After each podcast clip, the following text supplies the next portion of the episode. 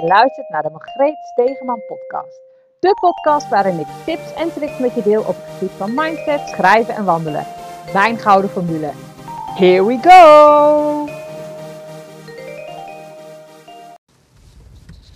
Goedemorgen of middag. Is natuurlijk maar net wanneer je deze podcast luistert. Maar uh, welkom weer bij een nieuwe Margreet Stegeman podcast. Ik uh, ben, zit wederom weer eens in de auto, onderweg naar mijn werk. En uh, nou, dat vind ik eigenlijk altijd wel een mooi moment om even een podcastje op te nemen. En zo ook nu. waar ik het vandaag even over wil hebben is misschien een wat verrassende titel. Maar ehm, ik anders gaan jullie even midden op de weg lopen. Um, wat ik van Amalia leerde. En dan gaat het inderdaad over Amalia, onze kroonprinses. Er is natuurlijk onlangs een boek van haar uitgekomen. En uh, nou, het was toch. Ja. Ik dacht, ik ga hem toch lezen. Uh, ik heb niet zoveel met het Koningshuis. Maar ergens vind ik het ook wel weer heel erg intrigerend ik zou het ook bijvoorbeeld zonde vinden als we het Koningshuis zouden opheffen of zo. Ik, ik hou wel van tradities en, uh, en het Koningshuis is daar dan toch eentje van. En, uh, maar daarnaast vind ik het gewoon heel erg intrigerend hoe, zo'n, hoe het leven er nou uitziet voor zo'n, zo'n voor die prinsesjes. Want oh, echt waar, ik benijd ze. Ik zou totaal niet willen ruilen. En dat wist ik op voorhand al, maar uh, zeker na het lezen nu van het boek denk ik: oh mijn god, wat ben ik toch in een fijne, vrije omgeving opgegroeid. Want uh, uh, ja, alles wat zij doet, of wat haar zusjes doen, of wat haar ouders doen, wordt natuurlijk breed uitgemeten in de media. Je kunt nooit een, een stap zetten en zonder, dat, zonder, zonder dat je daar echt over na moet denken wat je, wat je doet. Wat je doet, wat je zegt. Je kan nooit gewoon ja, zorgeloos met je vriendinnen gaan stappen of, uh, of wat dan ook. En, en je moet altijd op je hoede zijn in het, in het vertrouwen van mensen. En oh mijn god, daar moet je toch niet aan denken. En tuurlijk kan ik ook op mijn bek gaan als het gaat om bepaalde mensen vertrouwen. Maar uh, de gevolgen bij mij zijn zoveel anders bijvoorbeeld dan, uh, ja, dan bij de koning en de koningin en, en hun dochters. Daar zit toch, uh, toch echt een wezenlijk verschil in. En als ik dan bijvoorbeeld lees dat, zij, dat ze niet zonder beveiliging naar school kan fietsen, dan denk ik: oh my god, dat, moet het, dat zou ik toch niet voor mijn kinderen willen dat ze zonder. Dat, dat ze. Oh ja, nou weet je, zij weet natuurlijk niet beter. Zij is in, zij is in zo'n uh, gezin is zij, um, ja, is zij geboren. En, maar dan ligt dus gewoon gelijk je toekomst al vast.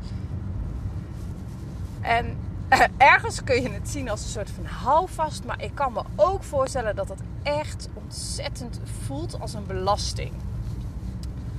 Want ja, ze kan er natuurlijk van afzien hè, van het koningschap. Maar, maar toch word je als kind word je daar al gelijk op voorbereid. Je, zoals ze ook zei, van, nou, ik was nog geen half uur oud en de eerste uh, negatieve reacties op, uh, op social media stroomden al binnen. Van wat voor lelijk kind het zou zijn. En nou ja, ik weet niet of het echt toen ook al in social media was, maar.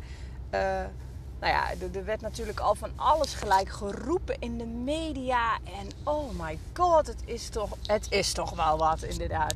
Je bent nog geen half uur oud en, en gelijk is, nou, nou ja, in ieder geval, ik zou niet met te willen ruilen. En uh, zoals Claudia zelf ook heel uh, mooi verwoordde van... Um, ik heb een keuze bij van een beroemd te zijn ik kan. Uh, nou, ik, ik maak theatershows. Ik, en er zijn wel mensen die naar me toe komen. En, uh, maar ik heb ook nog een heel leven voor me gehad dat gewoon zorgeloos was. Waar ik dus niet over na hoefde te denken. wat ik zou doen als ik de straat op ging. En zij heeft al vanaf dat ze baby is, is dat wel aan de orde geweest. En ja, daar zit, daar zit gewoon zo'n verschil in vergeleken met, met wanneer je beroemd wordt om wat je, om wat je doet. En zij is beroemd om wie ze is. En uh, ja, nou, daar zit gewoon heel verschil in. En uh, nu wil ik niet zeggen dat ik het een fantastisch boek vind en dat ik hem er steeds weer bij ga pakken. En ik, ik was gewoon echt vet nieuwsgierig naar ja, wat, wat zo'n leven dan inhoudt. En ja, inderdaad om haar een beetje te leren kennen. Nu moet ik zeggen dat ik, ja, ik vind het geen hoogstaande literatuur en dat hoeft ook helemaal niet. Het leest wel makkelijk weg. Maar uh, ik vind het nogal een beetje hapsnap. Maar één, één ding wil ik er toch nog even uitlichten. En dat is. Oh, ik vind dat dan. Want Daan, mijn oudste, die is 15. En in het boek komt een stuk naar voren van Amalia, die 15 is en die een essay moet schrijven op, de, op het gymnasium. Van ze moet de definitie van niets omschrijven in dat essay. Oh my god, ik vind het zo inspirerend wat zij daar, uh, uh, daarover zegt. Ik, uh, het is wel grappig dat, dat dit nu dan op mijn pad komt. Of in ieder geval dat ik hier nu over lees. Want Vorige week had ik het er al met Celie over. Tijdens onze wekelijkse lunchdate hadden we het over. Dat ik zei van, goh ja, ik voel me een beetje raar de afgelopen dagen. En uh, ik voel me leeg en ja, een beetje nutteloos. Terwijl ik weet dat ik deze, deze fase nodig heb om, nou ja, om verder te komen. Om toch weer tot grote hoogte te kunnen gaan stijgen. Nee, ik heb dit gewoon nodig om voor mezelf helder te krijgen wat ik nou wil zonder al die ruis op de lijn. En het is. Uh... en dat is natuurlijk wel vet um, interessant, inspirerend en tegelijkertijd ook wel eens gewoon kut. Ik, ik vind het een super interessant proces waar ik nu in zit, maar. Uh, ik vind het soms ook gewoon lastig. En, en dan, als ik het dan heb over leegte, dan, dan voelt dat zo alsof ik het gelijk moet gaan opvullen. En het is gewoon zo super oncomfortabel om in die, in die space te zitten, in die leegte. En uh, dat ik. Ja, ergens wil ik er gewoon heel graag doorheen ik vind het ook weer super interessant wat, wat, wat die leegte dan toch ook weer teweeg brengt. En, uh, en zij vertelde, uh, Celie vertelde dat zij bij een uh, lezing was geweest van Suzanne Smit. En ik moet eerlijk bekennen dat ik haar niet kende, maar zij is auteur. En nou, ze werd geïnterviewd en toen vertelde ze over haar creatieve proces over dat hij, dat uit verschillende fases bestaat. Voordat zij tot het creatieproces uh, komt, gaat zij dus ook eerst door die leegte heen. Die leegte moet er voor haar zijn om ruimte te krijgen, om, om die ruimte te kunnen benutten, om weer nieuwe inspiratie tot zich te kunnen nemen, om vervolgens te kunnen creëren. En dat resoneerde echt zo vet met mij dat ik dacht: wauw, ja, dat is het. En dat is eigenlijk ook wel wat ik voel waar ik dan nu doorheen ga. Dat stukje uh, leegte moet er eerst zijn. Ik moet eerst van alles opruimen. En om dan vervolgens weer een nieuwe stap te kunnen zetten. Om echt te gaan voelen wat ik wil. Want het stoppen bijvoorbeeld met social media, die social media break, ja, ik word daar echt wel dat ik dacht, nou, in het begin werd ik daar super blij van. En dat ging gewoon echt. Nou, ik, ik, ik had tijd over. Die ruis, die was weg. En dat is zo lekker. En dat vind ik nog steeds. Alleen ben ik dan nu op het punt van: oké, ik ben niet zozeer meer gestopt met social media. Want we zijn nou weer een stukje verder. En het was heel leuk dat ik was gestopt. Maar wat nu? Ik moet iets. Wat moet ik nu? Terwijl ik natuurlijk niet per se iets hoef. Ja, waarom zou ik nu iets moeten? Maar toch knaagt er wel iets aan mij, waardoor ik dat, ehm, waardoor ik dat dus zo voel. En dat, ah, dat is af en toe zo frustrerend. Maar aan de andere kant laat ik het er ook gewoon zijn. En het is zo, zo ongemakkelijk als zich dat soms ook, dat dat soms ook voelt. Ik weet dat ik hier doorheen moet en dat dit, ja, dit moet gewoon even. En daaruit ontstaan natuurlijk straks weer fantastisch mooie dingen. En met dat in mijn achterhoofd, dat het me echt iets gaat brengen en dat ik dan maar gewoon lekker even oncomfortabel moet voelen, maakt het gelijk al minder zwaar of zo dat die leegte er is.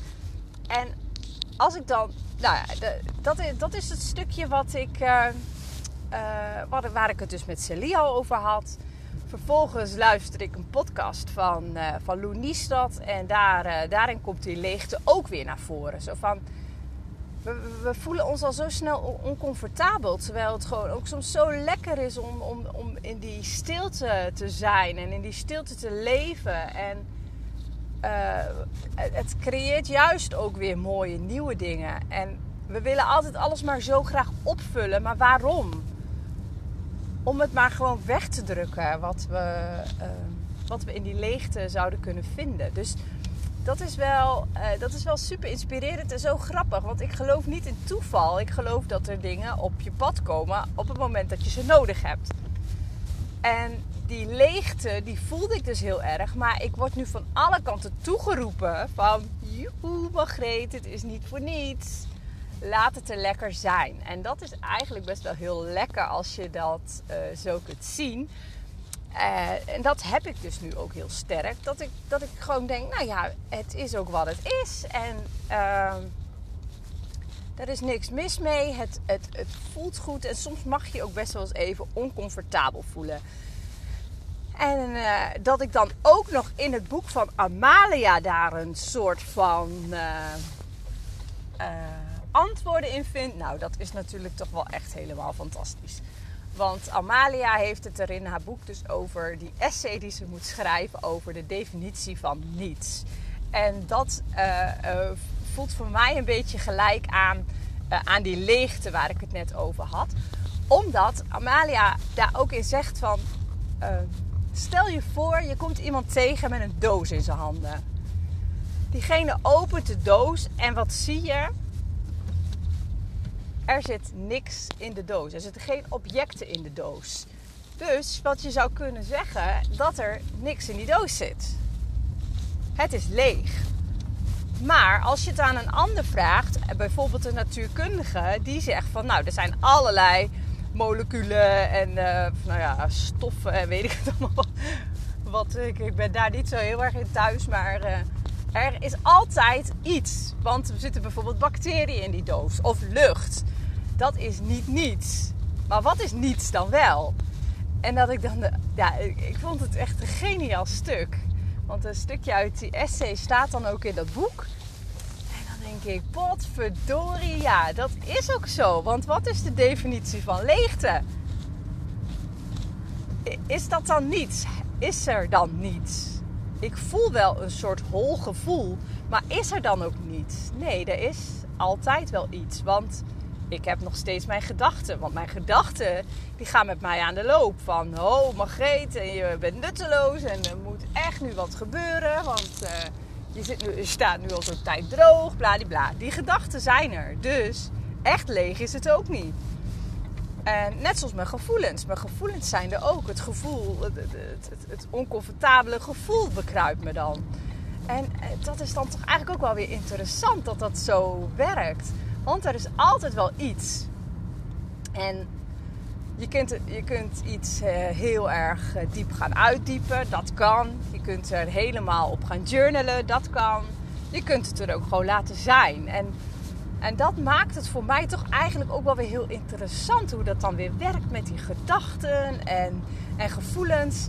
Dat we die, ja, die hebben we wel. Maar is dan ook per se omdat we het niet kunnen zien Um, oh ja, hoe moet ik het nou uitleggen? Oh, ik, ik voel hem heel sterk, maar ik vind het heel lastig om het uit te leggen. Want um, ik begin gewoon steeds meer in te zien dat hetgeen wat ik denk, dat dat niet per definitie de waarheid hoeft te zijn. Door daar toch steeds weer op te journalen, uh, ja, krijg ik daar toch wel weer een andere kijk op. En, en dat is ook wel een beetje wat ik dan voel met die leegte. Dat ik denk van ja, verdorie, ik moet, uh, moet weer aan de slag. Ik moet toch eens gaan bedenken wat ik nu met mijn bedrijf wil. Waar wil ik heen? Dat ik wil blijven ondernemen, dat is duidelijk. Maar in uh, hoe dan? Ik, ik ben eigenlijk alleen nog maar hele dagen aan het journalen. Een beetje aan het... Uh, nou, een beetje... Ja, wat doe ik ik ben vooral heel veel aan het schrijven. Maar er komt niks concreets uit. En dat voelt gewoon af en toe heel erg... Alsof ik niet nuttig bezig ben. Maar dat komt ook omdat ik mezelf altijd heb opgelegd dat ik maar ergens druk mee moet zijn.